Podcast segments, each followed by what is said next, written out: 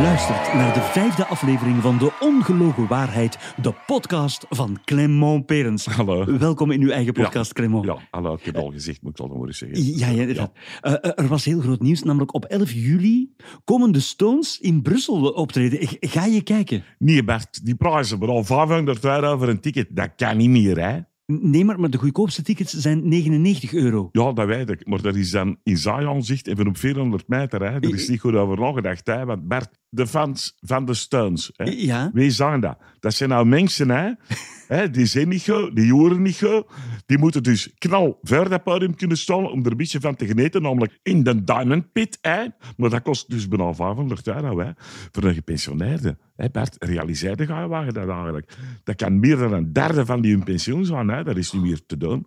Dus eh, in mijn café, het dankbare gat Ja. hè, op het eilandje, is daar wel commotie over. Hè. Ik heb 30 klanten die allemaal naar de stangs willen. Hè. We hebben samengelegd, ieder 50 euro. Dan hebben we een pot van 1500 euro. Dus kunnen we daar gelukkig op een fatsoenlijke manier de stangs gaan kijken in de Diamond Pit. Ja, en, en, en wie zijn dan die gelukkigen? Hoe selecteer je die? Wel, we hebben een Rolling Stones quiz georganiseerd. En dus de drie beste, die mochten mij. Oké? En, en, en ben jij als popkenner daar, daar dan bij? Eh, nee, ik wil daar ook niet naartoe. Maar dat is een beetje een rare quiz. Ik had nul punten. Ik had geen één vraag gehad. Die quiz was opgesteld door Zat Sofeke. Wie is zat, Sofieke? Wel een sympathieke jonge vrouw, maar ik wil zeggen een beetje een poepenmeeke. Maar na een paar glazen Chablis, Bert en veranderd in een mangster. Dat is echt niet te doen. Dus Zat Sofeke die had gezegd... Als ik die quiz niet mag maken, sla ik iedereen op zijn bekjes. En iedereen weet, in mijn café, klitsen kragen van Zat Sofeke, dan kun je onmiddellijk naar de. Hè. Vandaar dus. En, en, en hoe ging die quiz dan? Ik heb gezegd, een rare quiz. Ja, ja, ja. De eerste vraag was, wat is het belangrijkste ingrediënt van lasagne? Wat heeft dat met de Stones te maken? Ja, dat heb ik ook gevraagd, maar dan heel beleefd. Hè, want Ja, je ja. zat moeten voorzichtig zijn. Ik heb gezegd, wat hebben de Stones met lasagne te maken? En zat Sofeke gezegd, sorry Clement, dat is de tweede vraag. Nee is de vraag, wat is het belangrijkste ingrediënt van lasagne? Dat zijn volgens mij die lasagnebladen. Ja, dat dacht ik ook, hè. Maar zat zei, nee, dat is lasagnepoeder. Hè, Dat is zo poeier. Je doet dat in de pot, je doet er wat water bij, gereurd is. Je zet dat twee minuten in de microgolfoven en dan heb je een perfecte lasagne. Ik wist niet dat dat bestond, lasagnepoeier. Ja, Tuurlijk bestaat dat niet. Dus dat Sofeke die zei, het zou moeten bestaan. Want soms heb ik gekozen om de lasagne te maken, maar ik kan eigenlijk niet koken. Enfin, de tweede vraag was dus, hè, wat hebben de Stones met lasagne te maken? En waarom? En wat was dan het antwoord? De Stones zijn zeker en vast niet de uitvinders van het lasagnepoeder, maar het lasagnepoeder bestaat gewoon niet. En zo ging dat wel daar. 40 vragen lang, hè, tot op de slotvraag. En die was, draagt Mick Jagger een prook?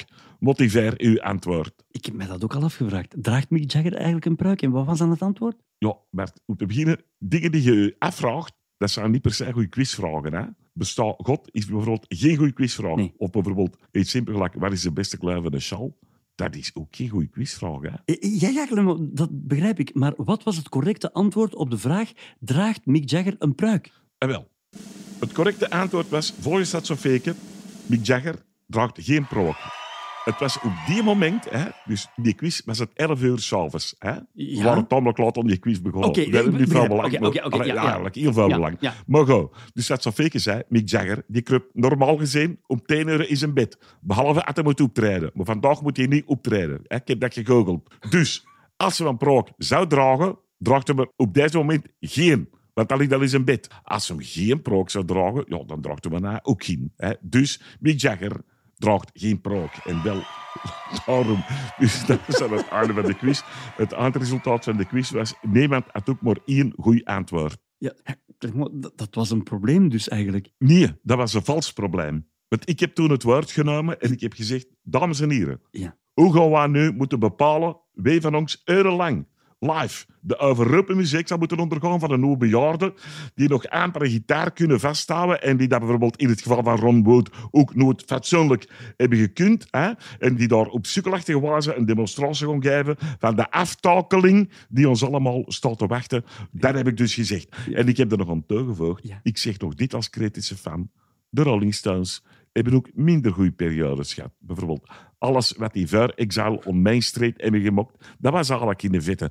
Uh, alles wat ze na Exile on Main Street hebben gemokt, dat werkelijk op niks. En Exile on Main Street zelf is een schabouwelijke plaat. En toen begon er hier nog de andere aanwijzigen te zeggen van, ja, och, ja, ik weet het toch niet zo goed. Allee, niemand was toch geïnteresseerd. En heel wat mensen zijn maar komen bedanken en we gezegd, merci Clément om ons te wijzen op het onheil dat wij gelukkig zullen kunnen voorkomen. Kortom, je bent niet echt een fan van de Rolling Stones. De kritische fan. Maar nou, misschien een beetje reclame voor de nummer. Ja, die betalen dat spel hier. Hè. Zeg nog even, die pot, dus wat is er gebeurd met dat geld? Ja, zo zeker, dat is een schatbewaarder. Hè. Dus niemand zijn geld daar even terugvragen. Maar nou, even reclame voor de nummer. Dan zijn we er vanaf.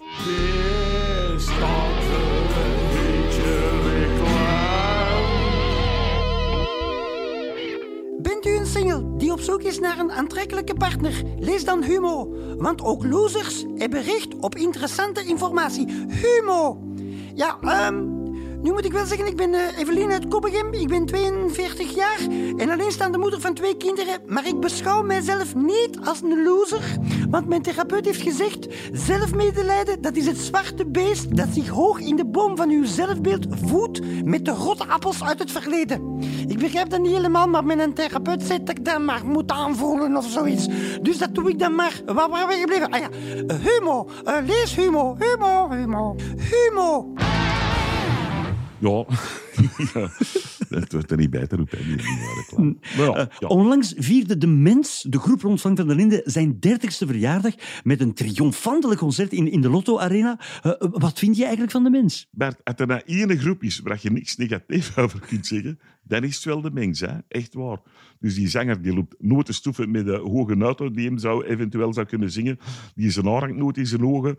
Die nummers zijn ook te experimenteel. En die gasten laden ook niet jazzy invloeden. Zo kunnen er nog lang doorgaan. Dus die mannen zijn al 30 jaar eigenlijk heel goed bezig. Maar ben je zelf naar dat jubileumconcert geweest? Nee, nee, maar onze bassist wel. Dus de Sylvain, hè? Ah, Sylvain. Is, is de Sylvain dat, dat een fan van de mens? Niet echt, maar de Sylvain wou dus ook een ticket voor de Stones bestellen, hè? 500 euro. Maar toen zag hij dat de mens in de lotte maar 40 euro kostte. En de Sylvain zei, zelfs als de mens tien keer slechter is dan de Rolling Stones, doe ik nog een zaak, want met die 500 euro kan ik in totaal misschien zelfs 20 keer naar de mens gaan kijken deze zomer. Dus zelfs als de mens tien keren slechter is dan de Stones, maar je gaat die twintig keren zijn, dan zijn ze uiteindelijk dubbel zo goed. Hè?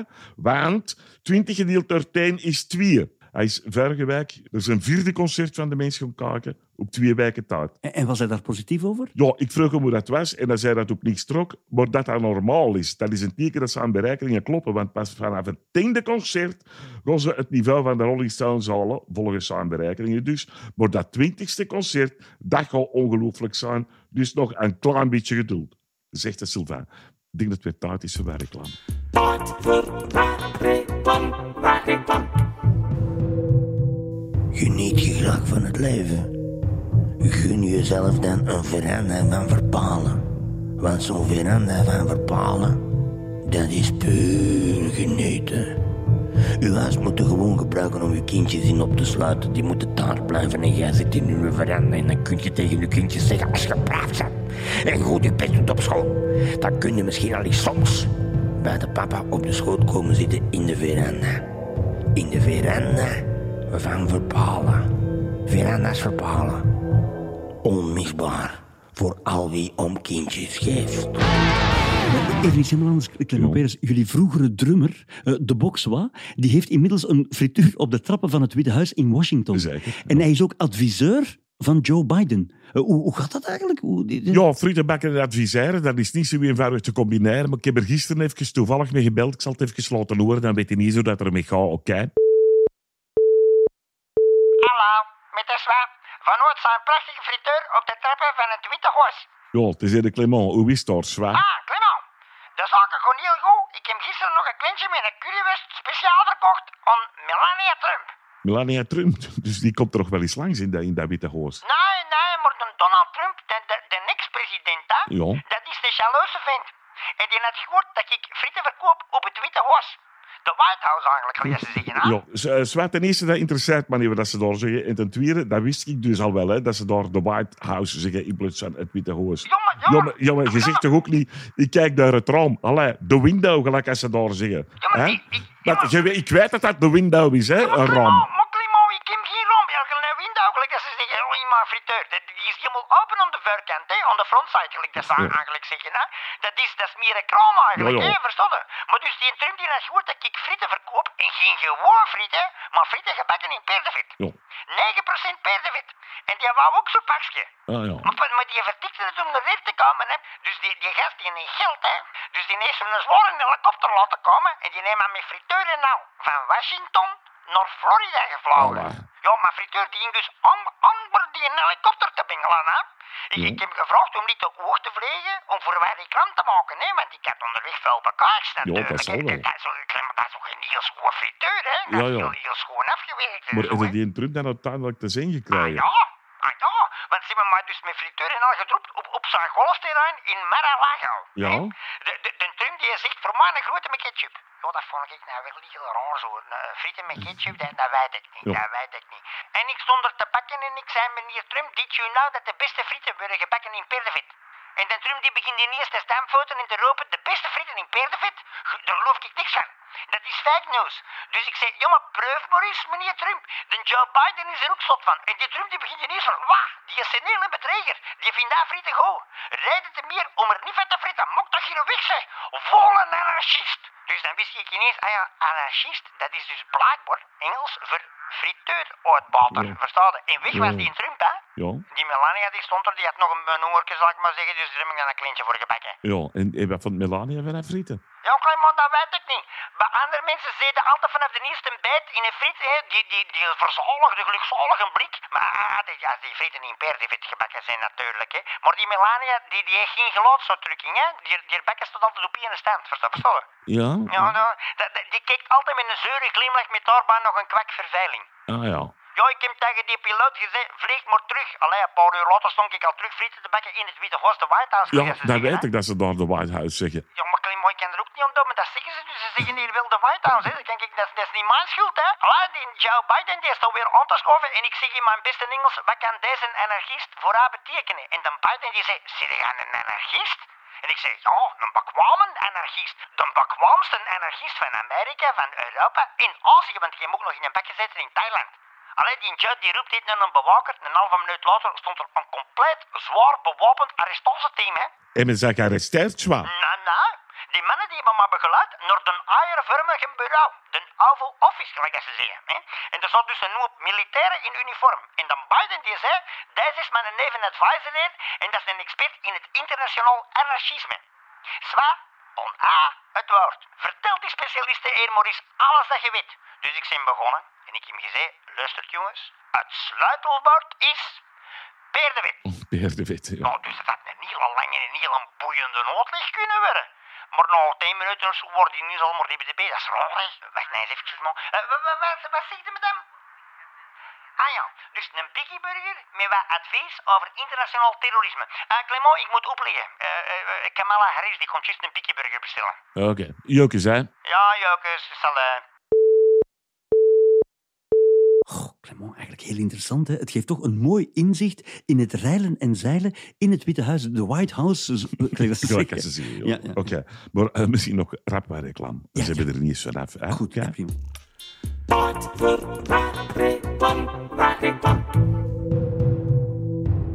Geniet je graag van het leven?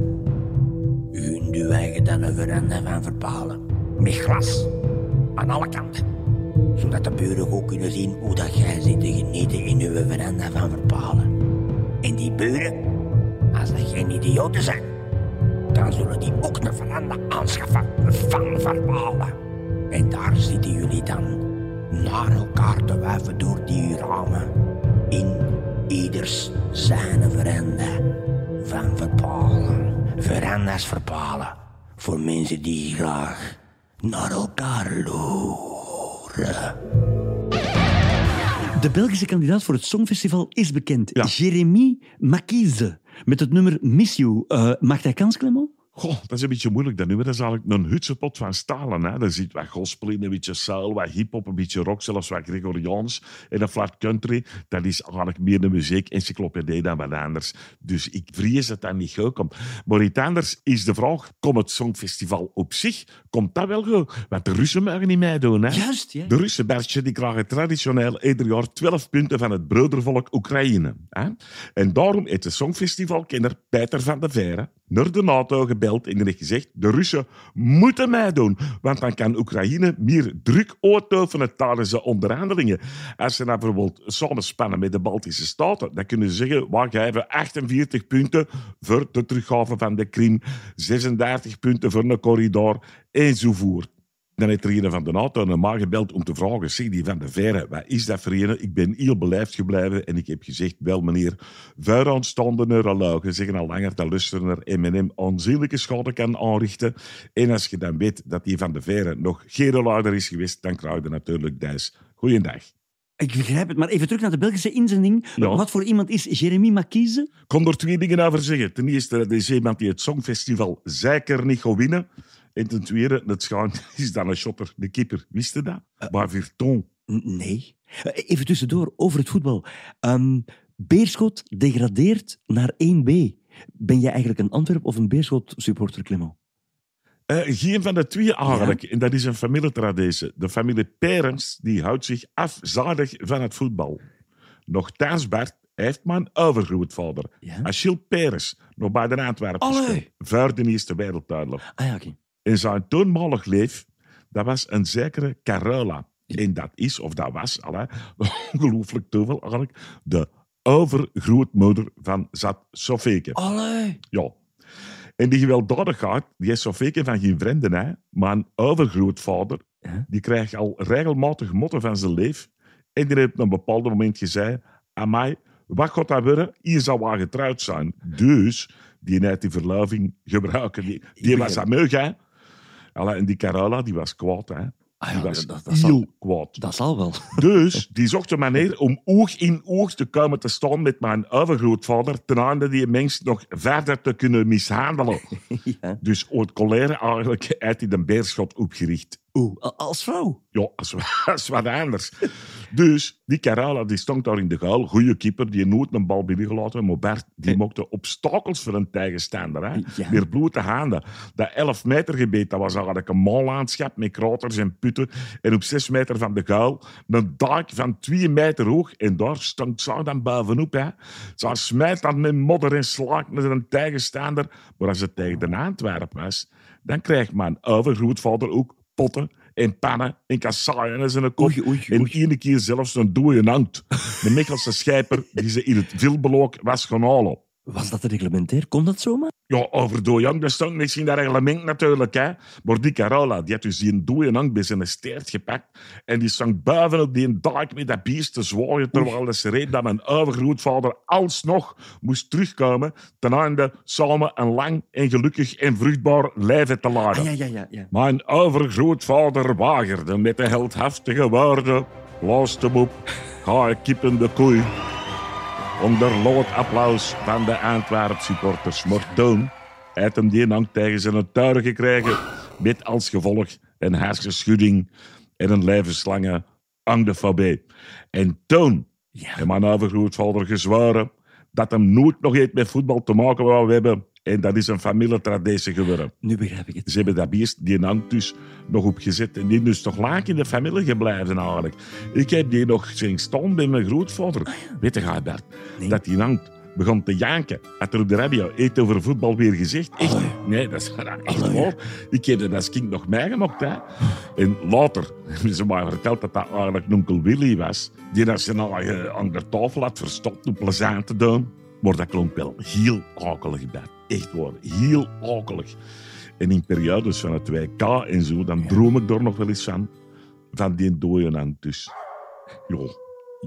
I- Ja, Eh, dank u wel voor deze moedige getuigenis, Clement Eh, Perez. merci, merci. Ja, alle, ik heb geen gemakkelijke jeugd gehad. Nee, nee, dat is dus duidelijk. Maar we zijn er weer al braaf vanaf. Ja, Eh, nog even wat reclame. ja, reclame. Ja, ja. Hallo, ik ben Evelien uit Koppegem en ik maak reclame voor Humo.